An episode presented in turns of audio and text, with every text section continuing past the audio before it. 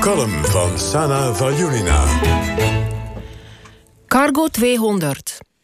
Begin april kondigden de Verenigde Staten aan hun troep uit Afghanistan terug te trekken.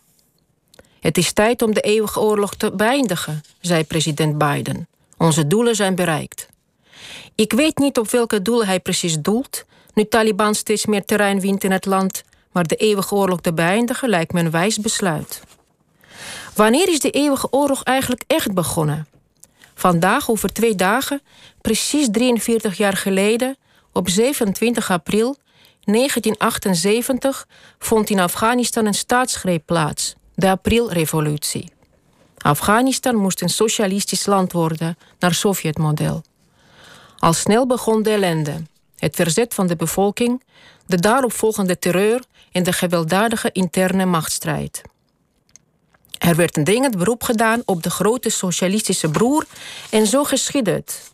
Op 26 december 1979 viel de Sovjet-Unie Afghanistan binnen.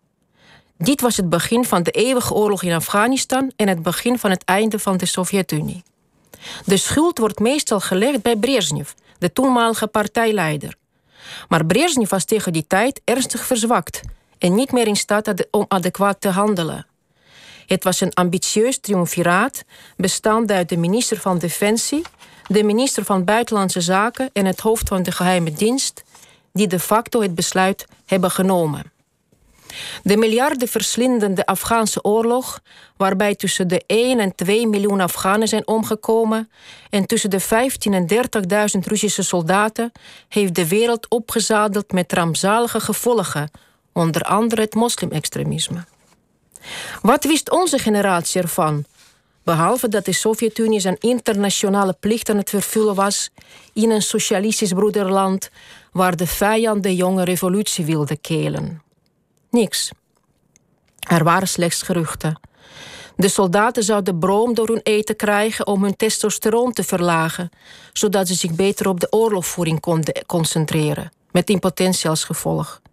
Ze werden geteisterd door het Afghaanse boeket, bestaande uit buiktyfus, hepatitis en malaria. En dat een soldaat beter kon omkomen dan in de handen te vallen van mujahedins. De 18-jarige recruten werden naar een geheime, alleen met een cijfer aangeduide legereenheid gezonden, zonder te weten waar ze heen gingen. Dat was een staatsgeheim.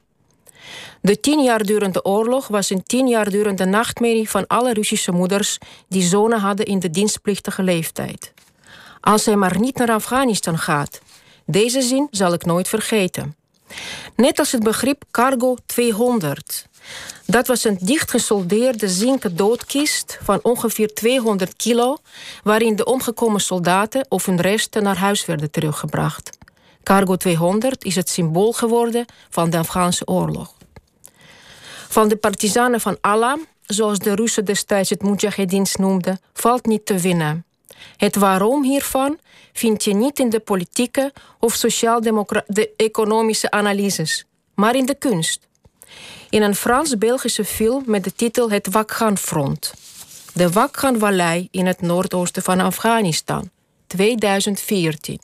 Een Frans bataljon. Eén voor één verdwijnen er soldaten.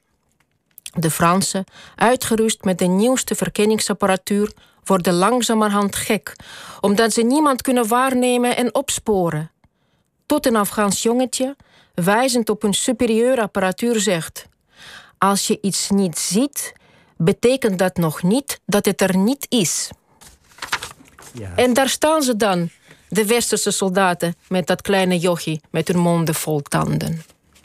Ja, Sana Faluja, Falui, Falu... Faljulina. Faljulina, juist. Dankjewel allemaal. Al zeg gewoon Sana, Joos.